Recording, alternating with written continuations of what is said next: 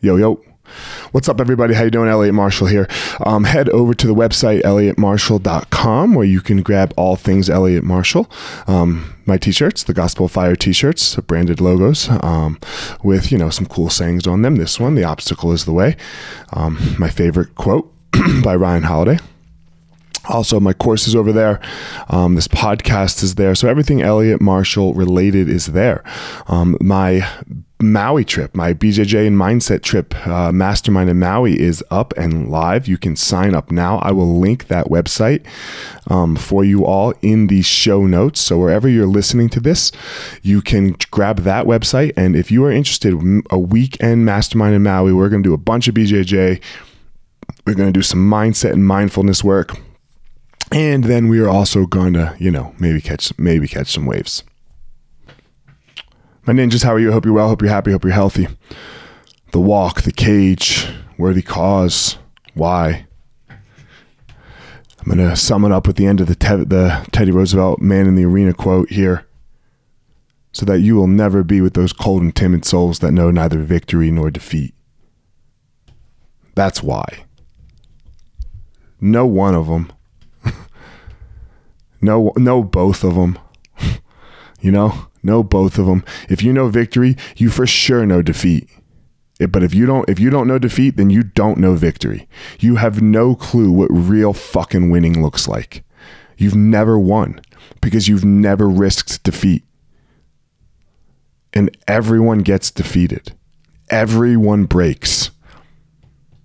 That's what the cage is for. That's what the walk is for. It teaches you how to get back up. Think about your kid. Think about your kid. They fall down off their bike. Do you let them just not know? You pick them up, you put them back on the fucking bike, and you make them ride. They know they're learning defeat and they're learning how to walk themselves into victory. But for some reason, at some point in our lives, we stop doing this. Fear, what what uh, uh the the the worry of another person's opinion of you.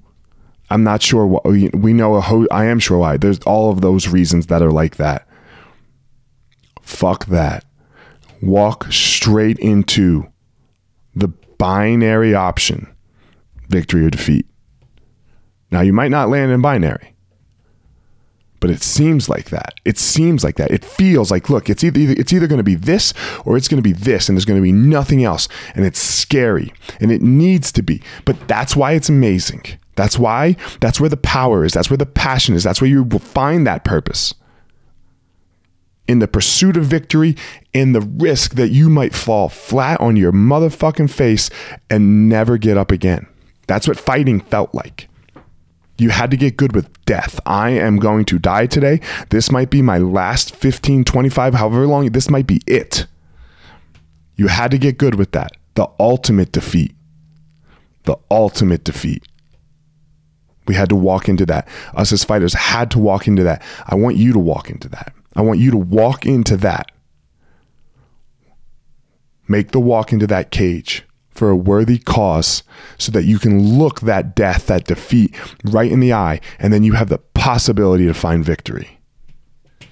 Discover your passion, find your power, give your purpose to the world.